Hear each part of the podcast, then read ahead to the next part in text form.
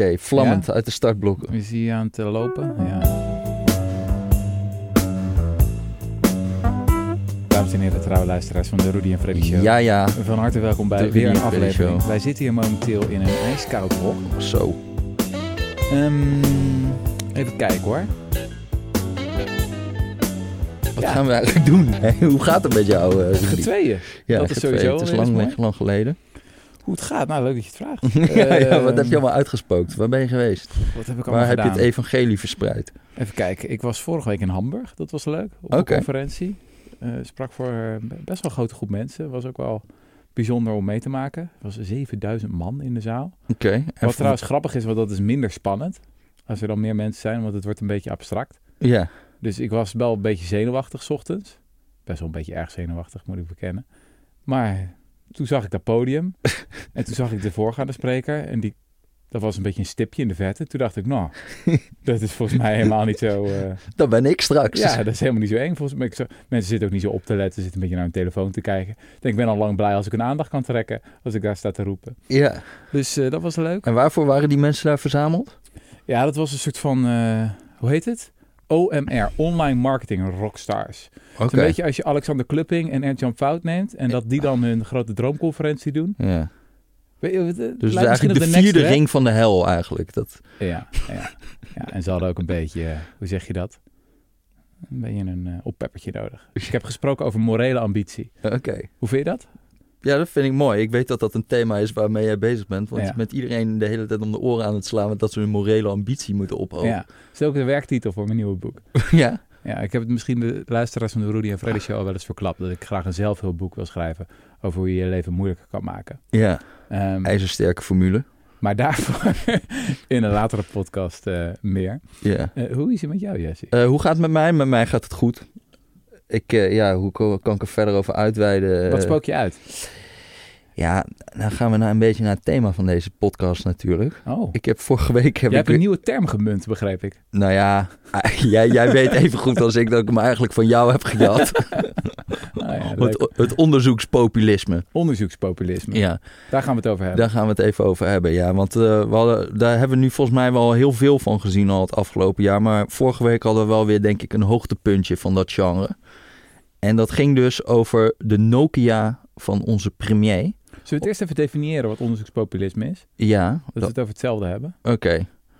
Wat is het? Nou ja, het is gewoon, eh, het is denk ik de geestelijk vader van het eh, onderzoekspopulisme, dat is Pieter Omtzigt. En wat je eigenlijk doet als je een korte snelcursus onderzoekspopulisme is, je hebt een onderwerp Ja. en je gaat gewoon alles opvragen. Je gaat heel veel gedetailleerde vragen stellen. Actierelaas, feitenrelaas, notities, appjes, memo's, sms'jes.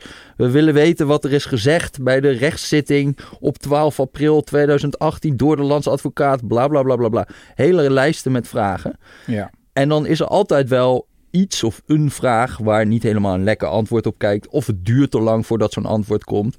En dan ga je zitten zeggen van, ja zie je wel, ze willen het niet geven. Ze hebben iets achter te houden. Er worden dingen achtergehouden voor mij. Ja. Uiteindelijk gaan mensen zo diep soort van in de details van dat onderzoek zitten, dat dat ook allemaal niet meer boeit. Mensen, gaan, ook- het boe- mensen boeit het ook niet meer of de antwoorden hout snijden of dat de vragen überhaupt relevant zijn. Niemand leest het meer Nee, eigenlijk. Ja. het gaat er vooral om omdat dat beeld ontstaat van... Oké, een regering heeft iets achter te houden en een Kamerlid vraagt Hm. iets en hij krijgt het niet. Ja, ja, en- dus en dat daar is het de- populistische element. Het is echt een beeld van, laten zeggen, het volk tegenover de elite. Of de, in dit geval de volksvertegenwoordiger Pieter Omtzigt, die tegenover de grote elite staat. Ja, maar het is niet alleen hij. Hè? Iedereen doet dat nu. Ja, ja, er zijn er veel meer die het doen natuurlijk. Maar hij is de, inderdaad de geestelijk vader. Ja, Ik, ik kan me ook wel een aantal journalisten indenken die zich hier meteen misschien... eh, dan staat er in een, in een artikel staat van... Ja, we hebben duizenden pagina's opgevraagd of gewopt in handen van... eh, Weet Ja. je wel, de Volkskrant of NRC. ja. En dan is gewoon de veelheid van de documentatie die suggereert van... We ja, hebben iets heel lijps in handen. ja, ja, en niemand ja, gaat dat meer echt checken. ja, ja. Dit is trouwens ook een debattruc die je soms kan toepassen. Die ik misschien een enkele keer zelf ook wel eens Ja. heb toegepast. Is gewoon Zorg dat je reactie heel lang is. Wat toen Pieter Klein deed, en die fit hij met jou over je boek. Dat hij dan gewoon, wat is het, 4.000, 5.000 woorden schrijft. En dan hebben mensen, ze lezen niet eens, maar dan is het, ja, hij heeft 5.000 woorden in reactie geschreven, weet je wel. Ja. Dus ik had een tijdje geleden had ik een kleine fitty met het. YouTube-kanaal De Snijtafel. Die heb je ook gewoon. En dan, natuurlijk was dat een inhoudelijk loepzuivere reactie. maar hij was ook lang. En Ja, dat, is, dat, ook is lang. Een, dat is een belangrijk onderdeel van de retorische strategie. Ja, Zo van, het is niet dat ik vijf minuten reactie geef. Nee, ik heb meer dan 3000 woorden geschreven. Je staat er 25 minuten, maar dan, dan komt het ook... ja. Uiteindelijk gaat het dan ook heel erg. Eigenlijk is het een heel slecht voorbeeld, want ik had een loop eh, gewoon ja, helemaal nee, dat was een heel. dat Maar was- je moet ook een beetje nadenken hoe het overkomt. ja, ja, Ehm, ja. Dus inderdaad, de veelheid is onderdeel van de retorische strategie. Ja, ja, en dat uiteindelijk niemand het echt meer precies kan volgen. En het Niemand gaat gaat het uiteindelijk om het beeld wat er ontstaat. En dan gaat het eigenlijk ook weer over wie vind je aardiger. Ja. Voor een heel groot gedeelte. En wie speelt de overtuigende rol? Wie is hier de held en wie is hier de schurk? Ja. Ehm, maar goed, daar hadden we dus denk ik vorige week weer een heel mooi eh, voorbeeld van. En dat was op Twitter heette dat al SMS-gate. Mhm. Eh, ja, het gaat hard met de gates tegenwoordig. Maar die, eh, de Volkskrant die had een artikel. Want Rutte heeft dus een Nokia. Mhm. Of zoals hij zelf zegt, een Nokia. Mhm. En die, eh, eh, daar moet hij elke keer eh, sms'jes van verwijderen die Ja. daarop staan. Ik vind het ook mooi dat je dit nu helemaal uit gaat leggen. Ja, Je neemt gewoon echt aan dat de luisteraars van de Rudy en Freddy Show zo zijn vervreemd van de actualiteit. Die hebben allemaal in de boeken over de 19e eeuw zitten lezen. Nou, maar dat denk ik- nee. ja maar dat, Ja. dat denk ik dus echt. Dat een heleboel mensen dit totaal niet gevolgd. Oké, ik denk nee, ook gewoon nee. dat een heleboel mensen het gewoon totaal niet meer kunnen volgen. Maar goed, we gaan. Hij, hij zei dus van ja, oké, ehm, eh, hij verwijdert daar sms'jes van. Maar nu zegt de archiefwet zegt van ja, je moet eh, wel de bestuursrelevante eh sms'jes moet je bewaren. Mhm. Nou, hij zegt dat doe ik. Dus als ik eh, aan het eind van de dag dan kijk ik van wat was nou relevant. En dat stuur ik dan door naar een ambtenaar. En die gaat dat archiveren. En alleen de irrelevante sms'jes die verwijdert hij. En hij gaf dan als voorbeeld van ja, ik, ik sms nogal vaak te gek. Met drie uitroeptekens naar iets of iemand. Of dat- gaaf. Of gaaf. Ja. dacht ik, nou, daar kan je op zich ook over aftreden. Maar ehm, die, eh, dus hij, hij, hij, hij zei dus van, hij maakt eigenlijk die schifting zelf. Of, hij, eh, eh, of het bestuursrelevant is. Nou, toen kreeg je, toen dat bericht in die Volkskrant stond, meteen die dag kwam Jesse klaar van, ja, we gaan een debat aanvragen. Dit is gewoon tegen de wet in, zei hij. Van Mhm. de, hij- de, de premier zit hier de wet te overtreden. Hij zit Mhm. gewoon zelf zijn eigen sms'jes te kiezen. Mhm. Volgens mij ging het daar al fout. Want eigenlijk, het is niet tegen de wet in. Gewoon die, Mhm. eh, de Raad van State heeft twee jaar geleden hebben ze een, u- een uitspraak gedaan. waarin gewoon staat dat eh, eh, je niet alles hoeft te bewaren, ten eerste. En dat je dus dingen ook mag verwijderen. En eh, eh, dat, dat er, er is ook gewoon een soort van richtlijn, de handreiking eh, chatberichten. Die bestaat. die bestaat gewoon echt, ja. Ja. En daarin staat ook van, ja, de, de medewerker moet zelf eigenlijk die schifting maken, want hij weet het beste hoe, wat relevant was voor de bestuurlijke besluiten. Dus je kan, je kan dat ook moeilijk aan anderen laten doen, want die weten het, het beste. Hm. Dan kan je daarover twisten of dat nou zo verstandig is om dat, in, eh, om, om, om dat bij een premier of zo ook zo te doen. Maar je kan niet zeggen dat hij de wet heeft overtreden of dat hij daar echt iets raars doet of dat hij helemaal zijn boekje te buiten gaat. Ja. Maar vervolgens gaan we dus eigenlijk een debat krijgen. Waarin het enige eigenlijk wat er overblijft is een soort van de suggestie van de leugen. Dus de suggestie dat, dat hij hier niet integer mee omgaat. Mhm. En dat soort debatten vind ik dus gewoon echt oersaai. Omdat je al weet waar ze ongeveer op gaan uitlopen. Het wordt gewoon een wedstrijdje wantrouwen. Mhm. Van hij gaat zeggen dat hij dat wel goed doet. Wij gaan allemaal zeggen, eh, want we vinden Mark Rutte niet aardig. Dat hij dat niet goed doet. Dat hij daar wel heel huigelachtig mee omgaat. En bla bla bla. En dat gaat dan gewoon zo zes of zeven uur eh, door. En Zo dan, lang? Nou ja, hij ging van tien uur s ochtends tot vier uur s middags. Zit nog wel een pauze in. Dat Wauw. moet, moet dan gezegd worden. Maar dan denk ik van, ja, zeg maar, wat is nu het maximale wat hier op het spel staat? Wat, dat is nog... Het gaat uiteindelijk over integriteit. Of je iemand vertrouwt, ja of nee. Ja, maar, Toch? Dat maar- is uiteindelijk... Ik kan me wel voorstellen als er allerlei voorbeelden opstapelen... dat je op een gegeven moment zegt ik vertrouw... maar dat moet de Kamer dan eigenlijk, eigenlijk zeggen. Als je op een gegeven moment echt niet meer vertrouwt... kan je niet met iemand werken. nee, En dan is het klaar. ja. Nou ja, maar er is natuurlijk ook dat ongeveer bijna de helft een keer een motie van wantrouwen tegen hem heeft gesteund. Oh, ja, hè? ja, dus, ja. Maar omdat de hele tijd door... Ja, en wat ik ook gewoon persoonlijk een beetje irritant vind... want eh, die archiefwet. Dus we moet, je moet wel sms'jes zou je moeten opslaan als ze bestuursrelevant zijn. Maar bijvoorbeeld telefoongesprekken niet. Of Mhm. een gesprekje op de gang. Eh, dus ik zat nu die Studio Energie toevallig op de weg hier naartoe te luisteren. Daar Ja. vertelt met Ben van Beurden, de CEO podcast, van Shell, ja, met- andere podcast. Ja. En die vertelde van, nou, toen Shell wegging, heb ik eh, eigenlijk de hele avond met eh, Mark Rutte liggen bellen. Nou, dat, dat valt allemaal überhaupt niet onder de archiefwet. Dus als hier een of ander sinister spel van Mark Rutte zou worden gespeeld, dan kan hij ook gewoon iemand bellen, weet je wel. Het is allemaal, Ja. Ik heb er ook wel echt moeite mee, moet ik zeggen. Met het idee dat alles transparant zou moeten zijn. Gewoon praktisch gezien, inderdaad, er zijn er altijd wel manieren die, je, die iemand gaat vinden om eh, inderdaad op de gang een gesprek te voeren. Wat, ik geloof ook dat organisaties niet kunnen functioneren als je altijd weet dat alles openbaar wordt. Toch? nee. Je moet gewoon af en toe iets in vertrouwen kunnen zeggen tegen iemand. Ja, Of een beetje kunnen roddelen. Of een beetje... ja, ja, ja, ja, Ja. nee, dat denk ik ook. En mensen gaan zich gewoon heel anders gedragen in de schijnwerpers. Moeten we daar niet ook, zou daar niet een debat over moeten gaan? Ik weet niet precies waar je dan de grens zou leggen, maar het idee dat je. Ja. En het is ook, want je, je hebt in de Tweede Kamer, dat heb ik, heb ik wel eens verteld, denk ik, maar dat je op een gegeven moment in die commissievergaderingen, dat die heel lang niet openbaar waren. Mhm. Dus de commissies is eigenlijk waar echt wetgeving wordt behandeld. Dus eh daar zitten alle fractiespecialisten over energiepolitiek te praten of over landbouw of weet ik het. En dat is eigenlijk het voorstijm, als er een wet komt, gaan zij het eerst helemaal doorspreken. Mhm. Maar tot die, eh, eh, volgens mij 1982, eh, was het gewoon niet openbaar, de notulen van die vergaderingen. En kon je, Ja. kon je dus ook niet bijwonen als pers. Mhm. En toen kwam daar heel erg een soort van discussie over van, ja, moeten we dat transparant doen of moeten we dat openbaar houden? En daar was wel een soort van het gevoel dat het fijne van die commissies nu was, was dat je nog van mening kon veranderen zonder gezichtsverlies te leiden, dat die gesprekken vrij zakelijk waren. Mhm. En dat het niet alles verpolitiekte. En zij zei dan van ja, dan kan je eerst, daar kan je op dat niveau met elkaar praten. En dan uiteindelijk, dan komt zo'n wet in de plenaire zaal, dus de grote zaal van de Kamer. En daar kan je dan uiteindelijk een politiek debat voeren. Mhm. Maar dat er een soort van voorstadium is waar een enige beslotenheid, zeg maar, daarover kan praten. Dat is eigenlijk, vonden, vonden sommige van die partijen, vonden dat, Kamerleden vonden dat wel gunstig. Ja. Nou ja, dat is niet. Zeg maar, ik vind dat niet totaal een onredelijke gedachte. Het lijkt mij, ja, zeker als je in een ministerraad zit en, en weet, dit kan over een jaar in het nieuws zijn, wat ik nu zeg, want dan is het gewopt. Het lijkt mij niet lekker praten meer. Nee. Ik bedoel, wat de Britten zeggen, Chatham House rules. Eh, dat je praat en iedereen afspreekt, oké, dit komt niet naar buiten.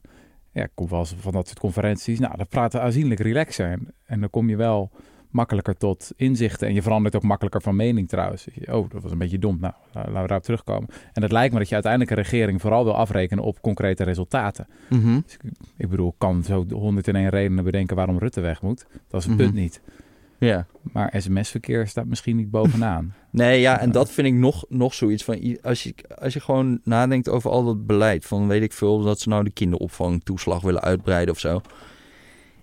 Ja, ik heb nog nooit een punt gehad dat ik dacht van... Goh, wat ik nu nodig heb is het appverkeer van Rutte of van de bewindspersoon of zo. Dat is allemaal leuk als je een verhaal schrijft en je hebt wat inkleuring nodig over hoe iets pre- precies tot stand kwam of zo. Maar om gewoon beleid te beoordelen. Ja. Ja, het is wel echt een, eh, een fascinerend fenomeen. Ik, ik denk altijd bij, bij omzicht vraag ik me dan nog wel af of hij dat ook doorheeft. Dat het voor hem gewoon een strategie is, dat onderzoekspopulisme. Want ik bedoel, hij is iemand die ook wel in het dossier zit, zo, toch? Het is Mhm. niet dat hij het niet, dat hij de materie niet beheerst of zo. Nee. Maar zou hij gewoon weten dat dit een effectieve manier is om... Nou ja, ik denk Aandacht. soms, soms wel, maar ik denk ook dat hij het wel. was sommige dingen vond ik wel heel. Dat hij op een gegeven moment had hij, had hij iets van. eh, dat hij vragen aan Rutte had gesteld. Mhm, En daar had hij dan zelf een deadline van vier dagen aan gehangen of zo. mhm, En dat zit, staat gewoon standaard op Kamervraag iets van zes weken of zo. mhm. En toen ging hij gewoon zeggen, nadat die vier dagen niet waren gehaald. Zei hij van, ja, zie je, ze willen niet antwoorden. Ze zijn allemaal... Oh, ja. Dan denk ik van, ja, dan maak je het wel heel bond, vriend. Ja, nou, en dat dan is op theater, Twitter, ja. dat, eh, dat is wel echt een beetje, een beetje parlementaire performance art wat mij betreft. Ja. Maar ja, nou, ja, ik denk, eh, dat is natuurlijk niet alles eh, wat hij doet hoor. Hij stelt ook wel zinnige vragen. Maar Nee, het is ook ja, wel een bewuste strategie. Want je ziet, onderscheid kunnen maken tussen een soort van slim onderzoekspopulisme. Dat je het eigenlijk inzet als een tactisch instrument. Gewoon om aandacht te trekken voor de zaak die je belangrijk vindt. Misschien dat je ook dom onderzoekpopulisme hebt van mensen die echt denken dat ze, dat ze beter hebben. Dat die sms'jes echt de essentie zijn. ja, Eh, want dat zou je ook nog kunnen betogen. Hè, van oké, we hebben dan een debat van tien uur in de plenaire zaal. Eh, maar eh, ja, god, het is ook misschien een beetje raar dat zo'n Rutte zelf die schifting kan maken tussen wat bestuurs, bestuur was relevant is om op te slaan en niet. Dus misschien moeten we daar gewoon toch even ook een mannetje opzetten die meekijkt. Ja, Maar goed, dan denk ik, ja, dat is dan wel echt een debat die een tweet had mogen blijven, zeg maar. Of ja. gewoon, daar kan je gewoon ook. Dat heeft al niet die, die, die totale eh, ophef nodig hoor. Dat vind Nee. ik een beetje overdreven voor als dat dan uiteindelijk eh, het punt is of zo. ja, ja. Maar goed, er was, eh, er was meer moois in de Kamer die, die week. Want Ga verder. we hadden, we hadden ook nog een debat over uithuisplaatsingen van ouders van de toeslagenaffaire. Ja, En dat is ook wel een, ja, dat is ook wel een gevoelig punt natuurlijk. En dat gaat ook al heel lang, eh, ook op Twitter heel erg rond. Hè, van dat is inmiddels dan staatsontvoeringen gaan heten. Mhm. Dus ouders die gedupeerd zijn door de toeslagenaffaire. Daar had het CBS van eh, laten zien van er zijn er 1600 tussen 2015 en 2021 uit huis geplaatst. Mhm. Van de iets van 60.000 kinderen. Eh, die zijn op enig moment uit de huis geplaatst. En daaruit hebben heel veel, ja, eigenlijk ga- eh, heel veel mensen zijn er dan vanuit gegaan van dat komt dus door de toeslagenaffaire. ja. Dat, dat die kinderen uit huis zijn geplaatst. En heel veel commentaar en zo vertrekt eigenlijk uit die veronderstelling dat door de toeslagenaffaire die kinderen uit huis zijn geplaatst. En zo krijg je ook eigenlijk zo'n debat wat een beetje uit die, eh, eh, uit die dat als vertrekpunt heeft. Ja, ja. ja Dus- je had wat citaten van verschillende Kamerleden. Wat is dan de... Ja, ja, ja. Dus Khadija. Ariep bijvoorbeeld, die twittert dan in de aanloop naar dat debat van ouders wiens leven door de Belastingdienst is geruïneerd. En dan een minister die dit eerst in kaart wil brengen. Want die minister die had, zei van we moeten eerst onderzoek doen van eh, of dit te maken heeft met de toeslagenaffaire. En of het ook in het belang van die kinderen is om ze terug naar huis te brengen. Ja. Maar goed. En die zegt dan: breng die kinderen terug en bied u excuses aan voor het onrecht dat kinderen en ouders is aangedaan. Dus die heeft gewoon zoiets van: ja, breng die kinderen gewoon terug. Het is sowieso onrechtvaardig. ja. Maar ja, god, ik, eh, ik, ik, ik lees dan heel veel van die dingen op rechtspraak.nl. Volg ik altijd als het over de toeslagenaffaire gaat. Of als iemand dat inbrengt, dan lees ik die uitspraken en zo. Mhm. Dus dan zie je ook gewoon wel eens van die eh, dingen over uit, van uithuisplaatsingen. Mhm. En ehm, waar je een beetje mee moet oppassen is dat je in de pers krijg je heel vaak verhalen ook van gedupeerden. En dat is heel goed dat je ook die verhalen hoort. Mhm. Maar het is ook een risico in dat je eigenlijk nooit wederhoor kan plegen bij soort van de, de instanties.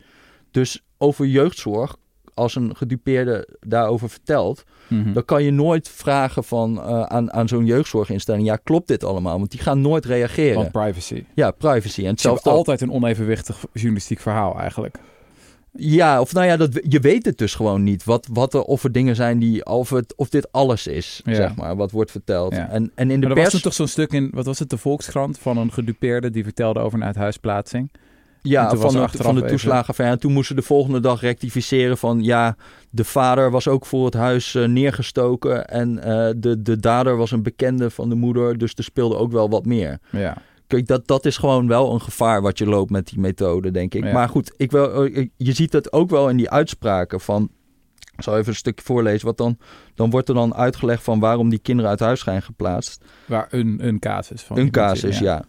De kinderen zijn destijds uit huis geplaatst omdat bij moeder sprake was van alcohol- en drugsmisbruik, waardoor de moeder onvoldoende beschikbaar was voor de kinderen en zij de kinderen niet kon beschermen.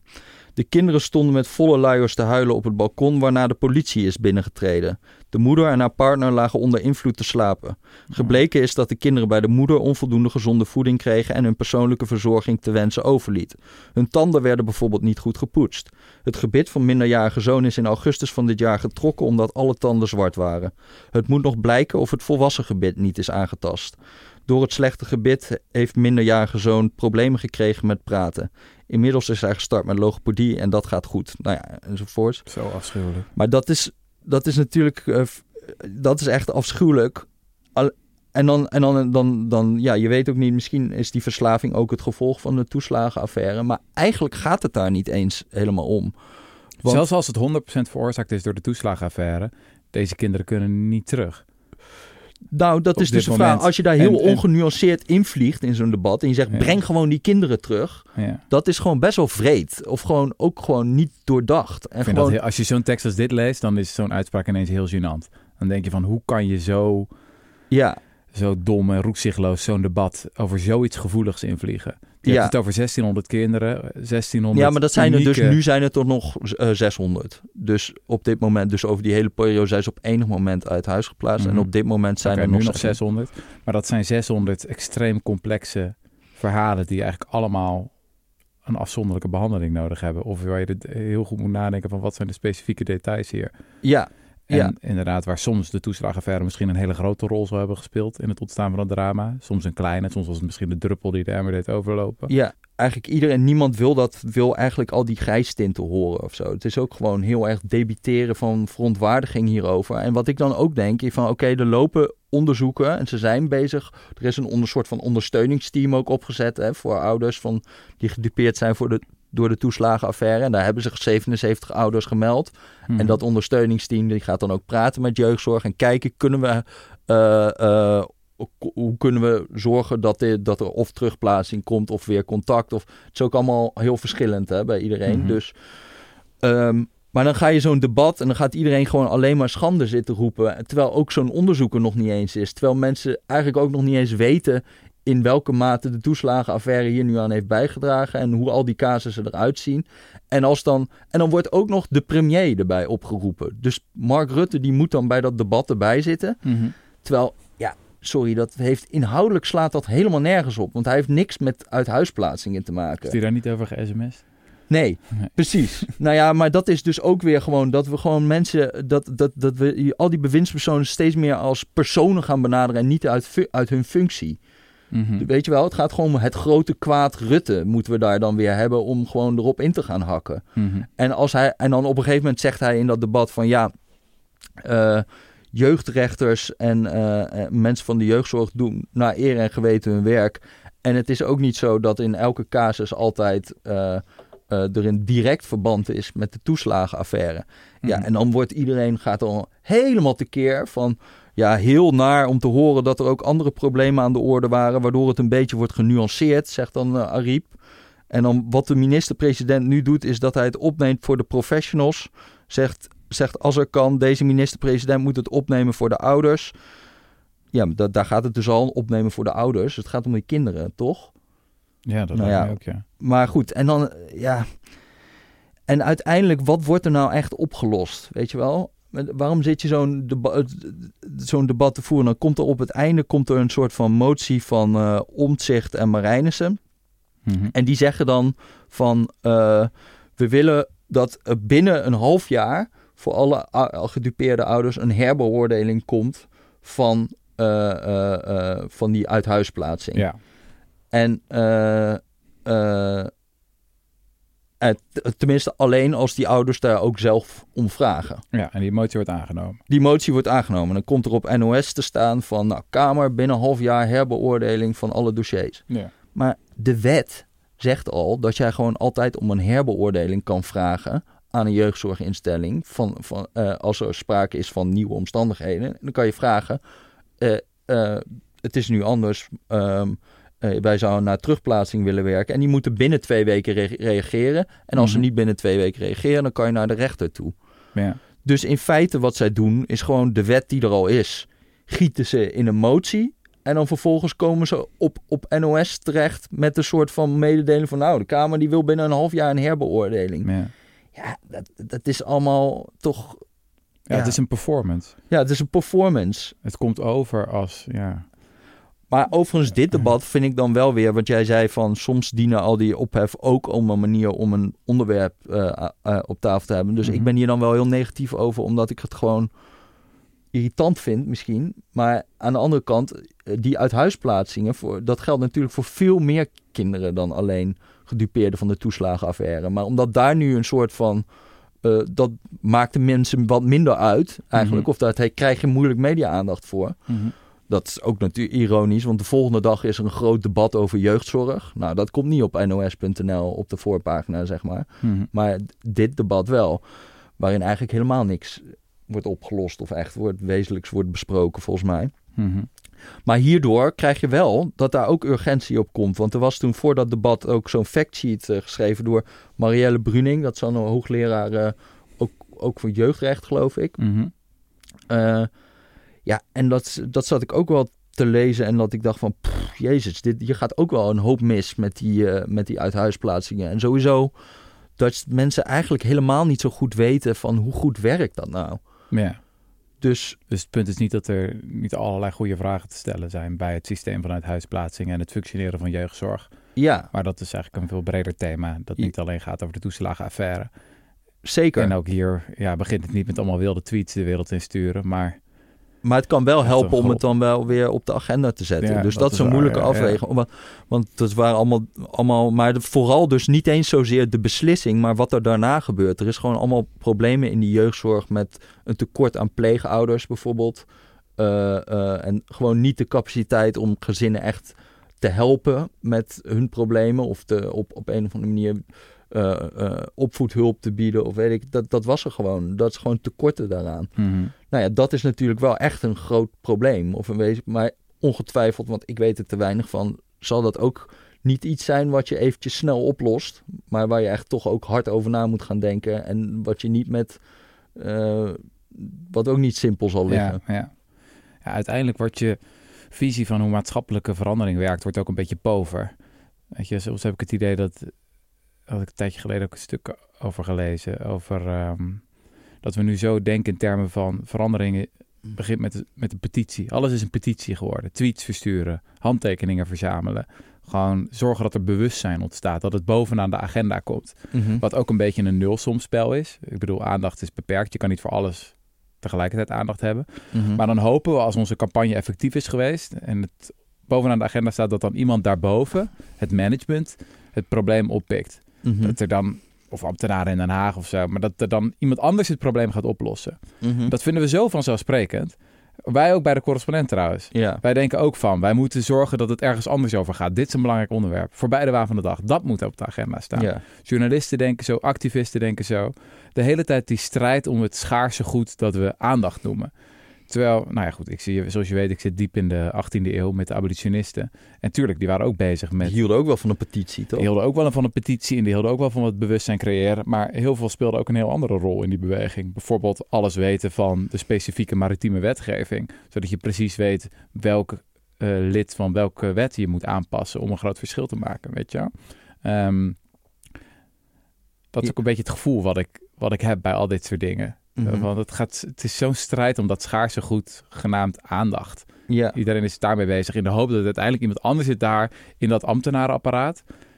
Ja. Ja. waar het volgens mij inmiddels ook niet meer zo heel leuk is dan om te werken. Bijvoorbeeld bij de Belastingdienst of zo. Ja. Eh, want ja, in de strijd om aandacht maken we soms ook wel eens wat dingen stuk. Ja. Bijvoorbeeld gaan we twijfelen aan de integriteit van Jan en Alleman. Mhm. En zetten we allemaal mensen ja, weg. Niet alleen als incompetent, maar ook als door en door onbetrouwbaar of zelfs immoreel. Mhm.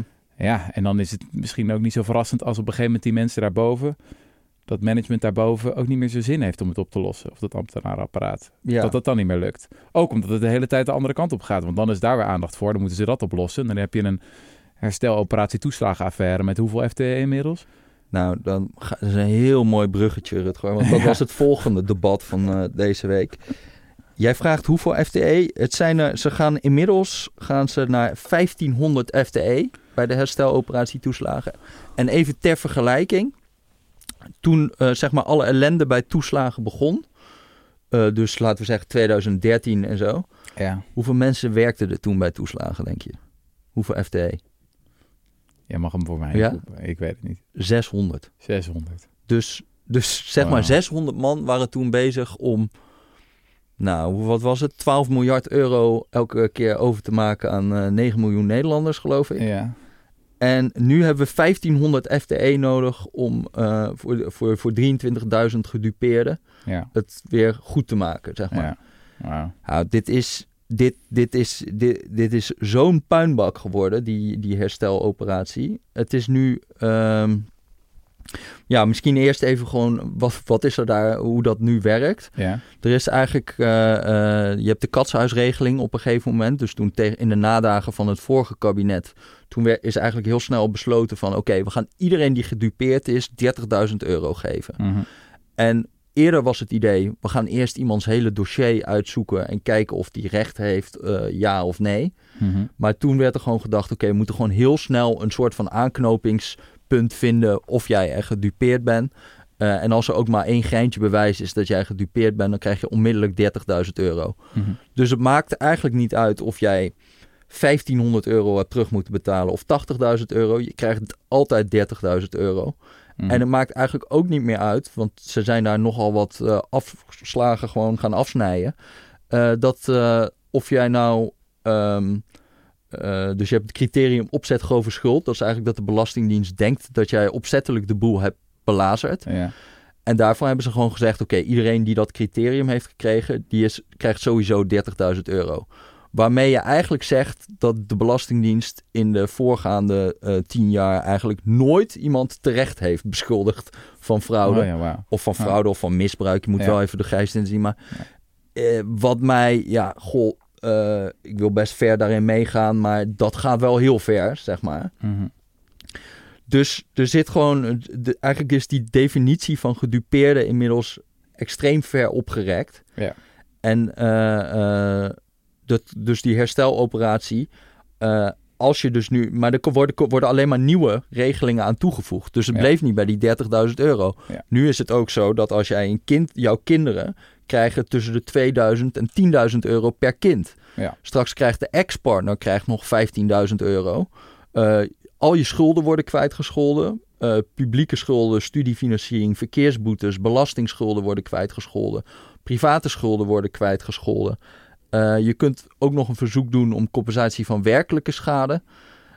En dus ook gewoon heel veel ondersteuning en hulp. Bijvoorbeeld als je een huis zoekt en zo. Van, die komt gewoon vooraan in de wachtrij, want je bent gedupeerde van de toeslagenaffaire. Mhm. Terwijl dat begrip gedupeerde dus inmiddels, nou ja, tamelijk vaag is geworden. Mhm.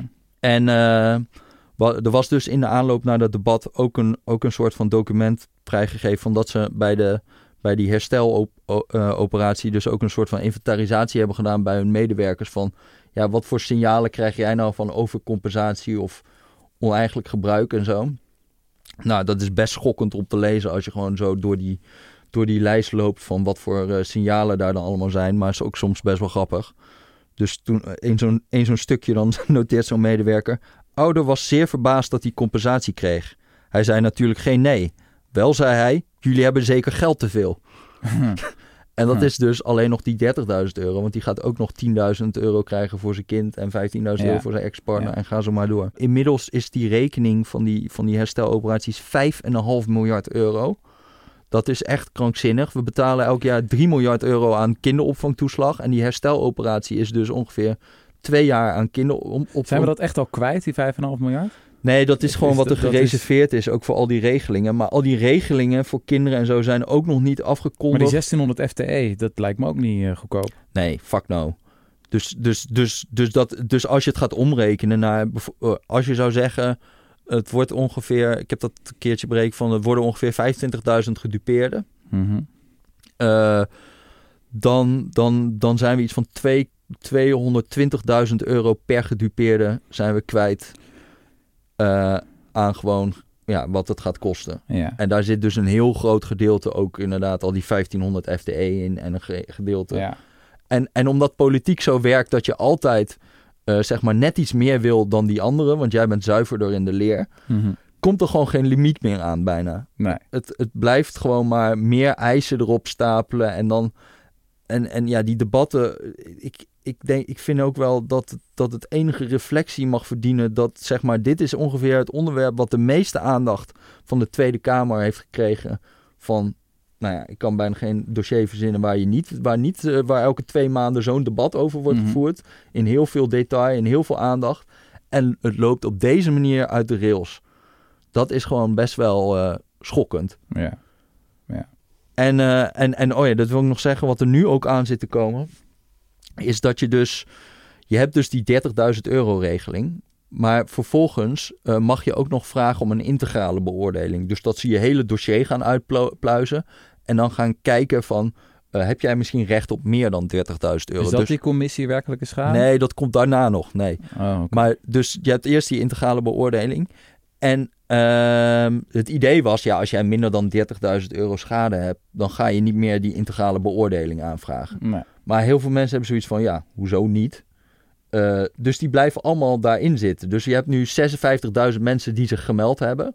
Waarvan de 25.000 ook is gezegd van, jij, jij bent, of iets van 24.000, dat jij bent ook echt gedupeerd en je krijgt die 30.000 euro. Maar iedereen blijft gewoon in dat, in dat proces zitten en wachten op die integrale beoordeling. Mhm. En dat duurt gewoon per dossier, ik geloof 60 uur.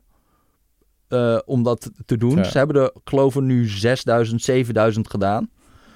Eh, en dus nu krijg je dat er, Wow. nu waren er al 6000 ingebrekenstellingen gestuurd, dus nu wordt het helemaal leuk. Eh, ze hebben eigenlijk van ja, je hebt niet snel genoeg besloten. Wij hebben gevraagd om zo'n integrale beoordeling. Wij wordt niet snel genoeg besloten. Nu gaan die mensen naar de rechter stappen en zeggen we gaan dwangsommen incasseren. Dus die 1600 FTE is eigenlijk te weinig. Ja, Dat zou ve- veel te weinig. drie, viervoudige moeten zijn. Ja. Ja. En ja, om dit waar te maken. En dus nu moeten ze allemaal eh, gaan betalen omdat het te laat wordt beslist. Dus er komen allemaal dwangsommen, elke dag 100 euro. Eh, dus daar, daar waarschuwen ze nu ook in voor die voortgangsreportage eh, rapportage van oké, we zien nu dat het heel snel oploopt met dat mensen in gebrekenstellingen gaan sturen en naar de rechter gaan stappen om te zeggen wij willen gewoon Hm. zo'n zo'n dwangsom incasseren. Ja. Qua rechtsgelijkheid is het gewoon die hele herstelregeling heel, heel raar. Ik bedoel, ik vind het niet uit te leggen dat bijvoorbeeld, we hadden net over jeugdzorg, zijn mensen die dan bij een pleeggezin kwamen en daar misbruikt zijn en er is geweld aangedaan. Ja. Die krijgen geloof ik 5000 euro, die Ja. kinderen. Ja. Die dan, die daar, en dan omdat jij slachtoffer bent van een gedupeerde van, de toeslagenaffaire. En nogmaals, dat kan zelfs betekenen dat jij maar 1500 euro hebt terug moeten betalen. Dan geef je je 10.000 euro. Ja. Waar slaat dat nou weer op? Ja, dat er zijn heel veel gedupeerden van overheidshandelen, ieder jaar weer.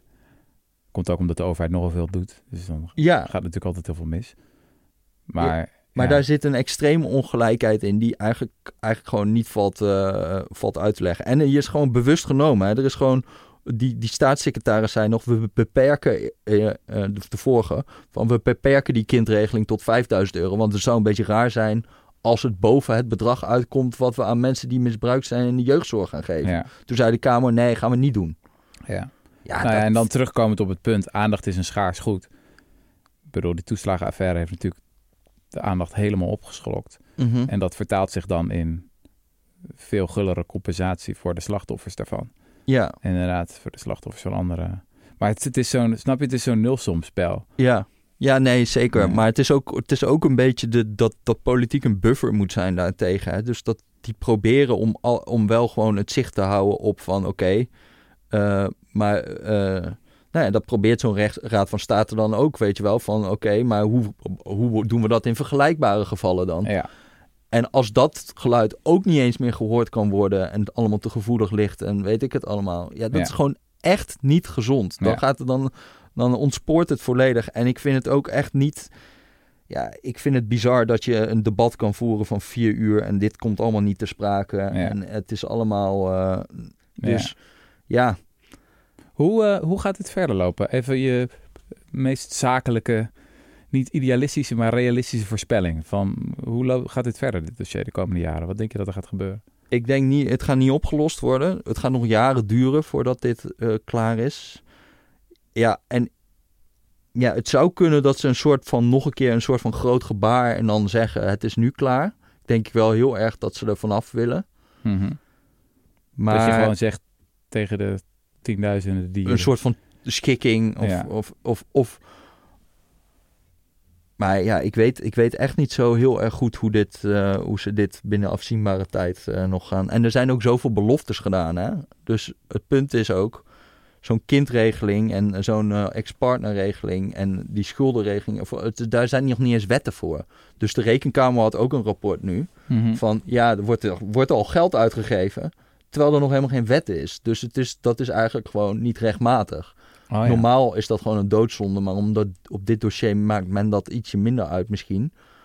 Ehm, ehm, maar ja, dat, dat, dat- je kan nu ook moeilijk meer zeggen van we gaan dat niet doen. Want eh, daar, ik bedoel, iedereen heeft dat beloofd en er is, eh, dat is allemaal al toegezegd. Ja. Dus er komt nog al elke keer nog meer bij. En het loopt nu al eh, Hm. eigenlijk vast. Hm. Dus, Maar ja, maar ja, het is, het is geen, het is, ja, ik vind het heel deprimerend om te zien. maar ja.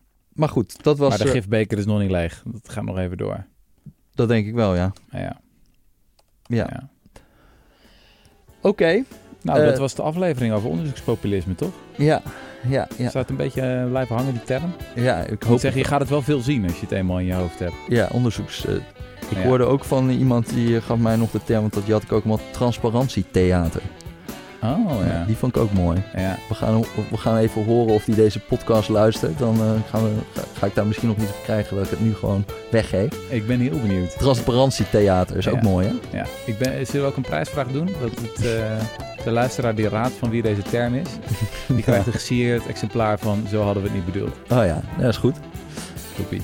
Eh, kunnen ze insturen naar yes.decorrespondent.nl. Ja, ja, ja. Helemaal. Oké. Nou, dan- hebben we nog iets te promoten? Ik heb niks te promoten. Nou, dat boek van Eva natuurlijk. Nu is het aan ons. Het Oh, gaat ja. als een tierenlier hè, over het burgerberaad. Ja, Doe het ook. daarbij. Luister naar de banner, daar komt hij. Het is de missie van de correspondent om voorbij de waan van de dag te gaan. Onze correspondenten voorzien het nieuws van context en schrijven over de grote thema's van deze tijd. De correspondent geeft me de vrijheid om mijn nieuwsgierigheid te volgen en de tijd om verhalen te schrijven. En zo probeer ik onzichtbare structuren zichtbaar te maken en een andere kijk te bieden op debatten die het nieuws domineren. Dan gaat het minder over het spelletje en veel meer over wat er op het spel staat. Vanaf dag 1 zijn onze artikelen, boeken en podcasts gefinancierd door onze leden. Volg ons op onze journalistieke zoektocht. Overweeg eens lid te worden van de correspondent. En maak daarmee samen met ruim 70.000 anderen onze onafhankelijke journalistiek mogelijk. Dus word lid van de correspondent. Ja, Word lid. Word lid.